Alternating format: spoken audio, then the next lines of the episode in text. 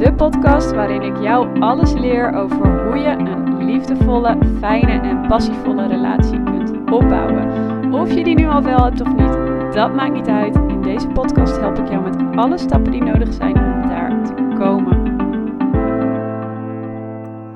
Hey lieve luisteraars, super super tof dat je weer luistert naar deze nieuwe aflevering van de Leefde Liefde podcast. Het heeft even geduurd voordat er weer een nieuwe aflevering kwam. Uh, ik ben op de achtergrond super lekker bezig met mijn eerste online academie. Dus daar heeft heel veel tijd in gezeten en daar zit nog steeds wat, wel wat tijd in. En ik ben lekker bezig geweest met mijn klanten natuurlijk. En daarom had ik eventjes wat minder um, nou, prioriteit, denk ik, met mijn podcast. Ik heb er eerlijk gezegd ook wel een paar opgenomen, maar ja, ik had zoiets, joh, ik wil echt dat het goed voelt als ik ze publiceer. En bij die voelde het niet goed. En sommigen noemen dat perfectionisme. Het belemmert me niet, maar ik noem het gewoon luisteren naar mijn gevoel. Ik, het voelde niet goed om die te publiceren, dus dan doe ik het niet. En deze podcast gaat over iets waar ik een vraag over kreeg via Instagram. Eigenlijk had ik zelf de vraag gesteld van, hey joh, wat zouden jullie nou in mijn volgende podcast willen? Daar kreeg ik hele leuke reacties op en een van de reacties was deze. Ik wil graag weten, als ik liefdesverdriet heb of oud verdriet, hoe ik dat dan definitief kan verwerken.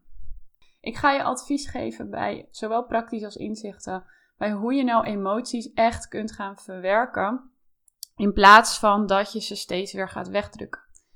En ik ga geen simpele adviezen geven als wees gewoon lief voor jezelf. Zorg dat je plezier in je leven hebt. Praat erover. Want het spreekt voor zich dat je als je net liefdesverdriet hebt, dat je lief voor jezelf moet zijn. Um, dat je aandacht aan jezelf moet geven. Dat je weer plezier in je leven mag zoeken. Dat je dat soort dingen dat is niet waar deze podcast over gaat. Ik ga je echt praktisch leren hoe ons brein daarin werkt en wat je nou echt helpt bij het definitief verwerken van je emoties. Zodat als je de herinnering hebt van het liefdesverdriet, zodat er niet steeds weer een nieuwe emotie bij komt kijken. En eerste ding wat helpt om te realiseren, is dat je buiten de emoties zelf, buiten het verdriet zelf, ook heel vaak verhalen over het verdriet of verhalen over de emotie creëert. En een van die verhalen, en er zijn natuurlijk veel meer, maar een van die verhalen is zeggen: Ik kan het niet aan. Ik kan het niet aan, ik wil dit nooit meer. Um, ik trek het niet meer. Dat is wat we heel vaak voor verhalen eromheen maken. En die verhalen maken vaak dat je het nog meer gaat wegdrukken of dat je nog meer ook echt gaat geloven dat je het niet aan kunt. Maar het helpt dan om even met jezelf in gesprek te gaan, want als je kijkt naar wat je allemaal al wel hebt gerealiseerd, dan weet je dat je dit ook wel aan kunt. er is nog nooit iemand doodgegaan aan alleen maar emotie. We zijn erop gebouwd om die emotie aan te kunnen. Ook jij, jij bent daar niet anders in. Um, dus dat zijn gewoon verhalen die je jezelf vaak vertelt. En hoe meer je zelf die verhalen vertelt, hoe meer je ze gaat geloven en hoe meer je het gaat wegdrukken en echt denken: oké, ik kan het niet aan, ik kan het niet aan. Terwijl als je het omdraait en gewoon tegen jezelf zegt: joh, ik kan het wel aan, ik weet dat ik het aan kan, ik geloof in mezelf. Ik heb vertrouwen in mezelf. Ik heb vertrouwen in mijn lichaam. Als je jezelf dat soort dingen vertelt, wordt het al een stuk makkelijker en luchtiger om die emoties te gaan verwerken. Hoe zwaar ze misschien ook zullen voelen. Maar je bent erop gebouwd om ze te, te, om ze te verwerken. En daar mag je ook echt van uitgaan dat je daarop gebouwd bent. Dan gaan we naar echt het praktische deel. Maar daarvoor wil ik je eerst wat inzicht geven. Voor alle herinneringen geldt als je er een heftige emotie bij hebt gecreëerd bij die herinnering, dan blijft die herinnering opgeslagen. Waarom is dat? Wij mensen zijn gecreëerd, ons brein is gecreëerd om ons te helpen overleven. Als wij in de verte een bosje zien bewegen, heel erg zien bewegen, waardoor we zeker weten dat er iets groots in zit, dan zijn we als eerste ingesteld op denken dat er misschien wel een gevaarlijk roofdier in zit wat ons gaat aanvallen. In plaats van dat we denken van, oh, daar zat vast, zit vast een, uh, een leuke knappe man in die een dansje voor me gaat doen of zo, bijvoorbeeld. Ik noem maar even wat geks. Ons brein is als eerste ingesteld op het zien van gevaar. Dat is super nuttig en dat helpt ons met overleven. Want als jij eerst bij het bewegen van een bosje moet gaan bedenken: oh, wat zal dat zijn? Oh, wat moet ik doen? Oh, uh. voordat je brein al zichzelf instelt op: oh, ontsnappen, vechten, vluchten, etc., dan kan het zomaar zijn dat dat roofdier al echt genoeg tijd heeft om jou aan te vallen en dan, dan ben je er gewoon geweest. Dus het is voor ons brein heel erg belangrijk om als eerste ingesteld te zijn op: hey, is dat gevaar? hey, wat moeten we dan doen? En ook meteen die verbindingen te leggen. Zeker als er een sterke emotie bij komt kijken. Als je al een keer een confrontatie gehad hebt met bijvoorbeeld een roofdier die jou aan wilde vallen, dan is het niet handig als je de volgende keer bij het zien van het roofdier eerst nog eens moet bedenken van, oh, is dit wel echt zo gevaarlijk? Nee, natuurlijk niet. Je lichaam maakt dan meteen die verbindingen door die emotie. Bij liefdesverdriet doet je brein hetzelfde. Op het moment dat jij heel erg heftige emotie hebt door iets, dan gaat je brein meteen voelen: oh, dit is gevaar, dit is gevaar, dit is gevaar. Wat er dan vervolgens gebeurt, is dat hij alles rondom die situatie gaat zien als gevaar. En ieder brein doet dat net even anders. Bij de ene, die weet heel specifiek van, oh, dit, dit is uh, het verdriet is het gevaar. Maar de ander denkt misschien, oh, liefde aan zich is het gevaar. Oh, de verbinding aan zich is het gevaar. Dus gaan we dat maar de rest van ons leven vermijden. Hebben we daar maar meteen angst en emoties bij. Dus daarom kan het zijn, als je na liefdesverdriet, als je dat niet op de goede manier verwerkt, dat je altijd, dat je brein altijd zal denken dat liefde gevaar betekent. En dat je brein dus altijd zal vermijden en altijd weerstand daarop zal hebben. Want die denkt dan, oh jee, het is gevaarlijk. Dat gaan we niet doen. Het kan zelfs gebeuren dat, en nu vul ik het even in voor vrouwen die op mannen vallen, ehm, maar dat geldt natuurlijk voor iedereen het kan gebeuren dat jij uh, überhaupt het, de sticker gevaar op mannen plakt. Dat je brein dat doet. Omdat het een man was die jou uh, hè, dat liefdesverdriet heeft bezorgd. Dus dan zijn ineens alle mannen gevaarlijk, bijvoorbeeld. Dat kan. Ieder brein reageert dan net even anders op. Ieder brein vult dat anders in. Iedere situatie zal misschien zelfs anders daarin zijn. Maar als je dat realiseert, dat je brein dat doet, dan kun je ook weer in gesprek met jezelf gaan. En dan kun je ook weer die herinneringen gaan herschrijven. En dat is wat we zo meteen gaan doen, het praktische stuk. Maar dit is wat ik je even wilde laten realiseren. Dit is wat ons brein doet. Op het moment dat we een heftige emotie ergens bij hebben, dan koppelt hij meteen gevaar daaraan. En welke plaatjes dan bij dat gevaar komen in jouw brein, dat is natuurlijk per situatie, per persoon verschillend. Maar heel vaak zijn die plaatjes wat meer overdreven dan dat nodig is het helpt je bij overleven om uh, niet het verschil te, te registreren tussen een tijger en een leeuw en een, een sabeltand of weet je wat, wat, wat voor roofdier heb je allemaal. maar om bij elk roofdier te realiseren, oh, dit, hier moeten we weer hetzelfde doen, namelijk vluchten. Dus je brein generaliseert een beetje. Dat helpt je dus ook niet in dit geval met het opnieuw verbinden, wat je waarschijnlijk wel wil elk moment dat je dat verdriet weer voelt, dat je die herinnering hebt met de emotie erbij, heb je een kans om het te herschrijven. En het mooie van mensen is dat wij ook nog eens herinneringen gewoon kunnen ophalen zonder dat ze daadwerkelijk gebeuren. Wij kunnen die herinnering weer visualiseren. Dus het mooie aan mensen is dat we dit ook elk moment kunnen toepassen. Oh ja, en dan heel even snel nog één ding wat ik vergeten was te zeggen. Een weggedrukte emotie ziet je brein ook als een emotie.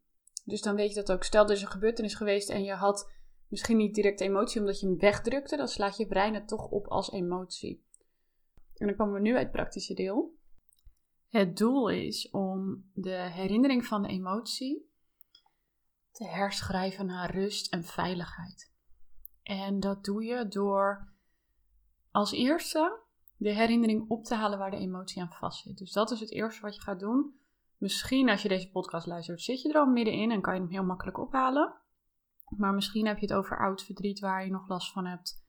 En is het wat lastiger om dat verdriet op te halen. Het is wel belangrijk om echt te herschrijven dat je de herinnering weer gewoon goed kunt ophalen. En wat heel vaak verkeerd gebeurt, of nou ja, verkeerd, wat heel vaak gebeurt, is als we dan de herinnering op gaan ophalen, dat we het heel veel erger gaan maken. Ja, dat we helemaal ons verdriet erin stoppen en dat we het nog groter maken. En dan denken we, oh, dan hebben we de emotie opgelost. Wat je dan doet is eigenlijk het tegenovergestelde. Je maakt het groter, je, maakt er, je zit er extra emotie aan vast. En daardoor denkt je brein nog meer, oh, dit is dus gevaarlijk. Dus wat we nu willen gaan doen, is die herinnering eigenlijk doorvoelen, maar vanuit rust. En niet vanuit het wegdrukken van je emotie. Dat is wel even een belangrijk ding. Dus waar je op gaat voorbereiden als je de herinnering ophaalt, is dat alles oké is. En dat we alleen vanuit nieuwsgierigheid gaan kijken. En niet vanuit we willen het controleren. Of we willen een bepaald resultaat. Het is, ik zeg altijd, het is net alsof je gewoon opnieuw met leven begint. Je komt in een klasje met jezelf en je gaat jezelf even ontdekken. Dus je haalt de herinnering op. En op het moment dat je verdriet voelt, ga je gewoon eens kijken vanuit nieuwsgierigheid waar in je lichaam je dat verdriet voelt. En ik weet dat er ook heel veel mensen zijn die zeggen: Ik kan niet meer voelen, ik kan niet meer voelen. Ook dat is een verhaal. Ga even terug naar het begin, dat is een verhaal. Want ik weet zeker als jij naar de toilet moet of als je hongerig bent of wat dan ook, dat je dat kan voelen. Als je nu je arm knijpt, voel je het ook. Alleen, ehm, je hebt waarschijnlijk heel veel connecties van het voelen in je brein. Heb je vervangen met uh, dat je het beter niet meer kan ervaren, want het is gevaarlijk. Nou, dat gaan we nu dus vervangen. En als je dat doet, dan kun je ook andere gevoelens weer beter ervaren. Kun je daar de focus ook weer meer op leggen. Dus ga eens voelen als je dat verdriet ervaart. Oké, waar in mijn lichaam voel ik dat? Zonder dat je denkt, ik moet iets voelen. Zonder dat je denkt, het moet op deze manier voelen. Gewoon vanuit nieuwsgierigheid. Je leert net weer opnieuw iets van leven. Je mag iets nieuws ontdekken van jezelf. Waar voel je dat verdriet? Is het in je hoofd? Voel je alleen maar gedachten? Is dat ook oké? Kijk dan eens of je die gedachten kunt labelen. Ook als er een verhaal voorbij komt van, oh, ik kan niet aan, oh, het is soms zo erg, of wat dan ook, of oh, ik kan niet voelen. Label die gedachten gewoon met of het woordje gedachte, of je labelt ze met iets anders, met bijvoorbeeld, oh, dit is een oordeel, dit is een verhaal, dit is... Geef er maar een label aan wat, je, wat voor jou goed voelt. En dan ga je weer terug met je aandacht naar waar je het voelt, dat verdriet. Voel je het achter je ogen bijvoorbeeld, of soms voel je het misschien in je hart. Voel je het in je nek, voel je het in je schouders, voel je ergens spanning, voel je ergens onrust. That's it. Het enige wat je hoeft te doen is het te volgen. Dus volg het maar. En het lijkt super simpel, maar ga het maar gewoon doen. Volg het verdriet maar gewoon. Kijk waar in je lichaam je dat ervaart. En vanuit nieuwsgierigheid en niet vanuit ik wil het weg hebben, ik wil het weg hebben, want dat is ook weer een verhaal, die mag je dan weer labelen. En dan ga je gewoon weer vanuit nieuwsgierigheid volgen. En het enige wat je hoeft te doen hier in deze oefening is gewoon het volgen van waar je lichaam reageert op je verdriet. Want dat zijn de plekken waar de angst ook wordt geregistreerd. Misschien krijg je wel hartkloppingen. Nou, ga dan maar eens met je aandacht naar die hartkloppingen toe. Want ook dat, heel vaak denken we hartkloppingen, zeker de mensen die ooit een burn-out hebben gehad, wat ik dus ook heb gehad. Oh jee, straks dan, dan heb ik dit weer, kan ik niet aan, ik kan niet aan. Ook daar, ga naar die hartkloppingen toe met je aandacht en laat gewoon zien dat je vanuit rust naar die hartkloppingen kunt kijken. Want als je vanuit rust naar die hartkloppingen toe gaat, ze misschien zelfs even wat groter maakt, als je dat aandurft, doe ik wel eens, dan laat je eigenlijk ook aan je brein zien van, joh, het is veilig. En dan weet ik zeker dat ze binnen no time ook weer afzakken of dat het ergens anders in je lichaam naartoe gaat. En als dat niet gebeurt, is het ook oké. Want ik kan je vertellen, ik heb echt een hele lange periode heel veel hartkloppingen gehad in mijn burn-out. En ik leef ook nog. En mijn lichaam is hartstikke gezond. Dus daar heb ik ook geleerd. We kunnen best wel wat hartkloppingen handelen. We kunnen best wel wat fysieke reacties op emotie handelen. Dus blijf met je aandacht bij waar je lichaam op dat moment reageert vanuit rust en vanuit ik kan het wel aan. Het is gewoon oké. Dus volg waar het verdriet zich uit. En als je andere fysieke reacties krijgt, oké, geef je aandacht daar ook eens aan. Krijg je misschien hoofdpijn? Misschien, een, een, misschien gaan je armen wat tintelen, wat dan ook, wat er ook maar gebeurt. En je hoeft er geen oordeel over te geven of iets negatieve reactie of een positieve reacties, want dat zijn we ook geneigd te doen. Het is gewoon niks meer of minder dan een fysieke reactie. En als je dat doet en je geeft de emotie gewoon de ruimte, want dat is eigenlijk wat ze altijd bedoelen met geef de emotie de ruimte, ga er met je aandacht naartoe. That's it. Simpeler kan het bijna niet. Alleen de praktijk maakt het lastiger omdat wij er vaak allerlei verhalen over bedenken. Oh jee, ik kan niet aan. Oh jee, nee, je mag niet voelen. Oh jee, ik wil dit niet. Je we willen het controleren. Maar als je het gewoon eens vanuit nieuwsgierigheid gaat bekijken, wat doet het allemaal? Oké dan leert je brein automatisch dat het veilig is om het te ervaren. Dat is één. En je overschrijft ook die herinnering die je, waar je toen destijds heel erg veel emotie aan hebt geplakt. Overschrijf je nu met rust. Overschrijf je nu met vertrouwen, met het is oké, het is veilig. En als je iets overschrijft met rust in je brein, dan ziet je brein het niet meer als gevaar. En dan kan je brein het eigenlijk als het ware loslaten, want het is niet meer belangrijk voor ons. En op het moment dat je dat doet, verwerk je dus ook echt oprecht je emotie. Maar nu snap je ook waarom. En als je brein nu dus ook leert dat het veilig is om die emoties gewoon te voelen, leert je brein ondertussen ook dus dat het veilig is om andere gevoelens weer gewoon te voelen. Dan ga je je ook steeds relaxter en gelukkiger voelen. En elke keer dat jij ervoor kiest om het toch weg te drukken of om er extra emotie bij te halen, registreer je dus wel weer opnieuw een angst. Registreer je opnieuw dat liefde of verbinding of wat dan ook gevaarlijk is en dat het dus heel goed is dat je brein hier elke keer weer emotie bij haalt. En wij willen eigenlijk het tegenovergestelde. Dus ik hoop dat ik je hiermee ook zowel op inzichtelijk gebied als op praktisch gebied weer een stukje heb kunnen helpen met het liefdesverdriet, met emoties, met oud verdriet verwerken. En dat jij natuurlijk straks een stuk rustiger gaat voelen. Heb je iets gehad aan deze podcast? Vind ik het ook heel erg leuk als je hem deelt of als je het even aan me laat weten. Vind ik altijd tof om te horen. En ik zie jou weer graag terug bij een volgende aflevering. Heel, heel, heel erg bedankt voor het luisteren.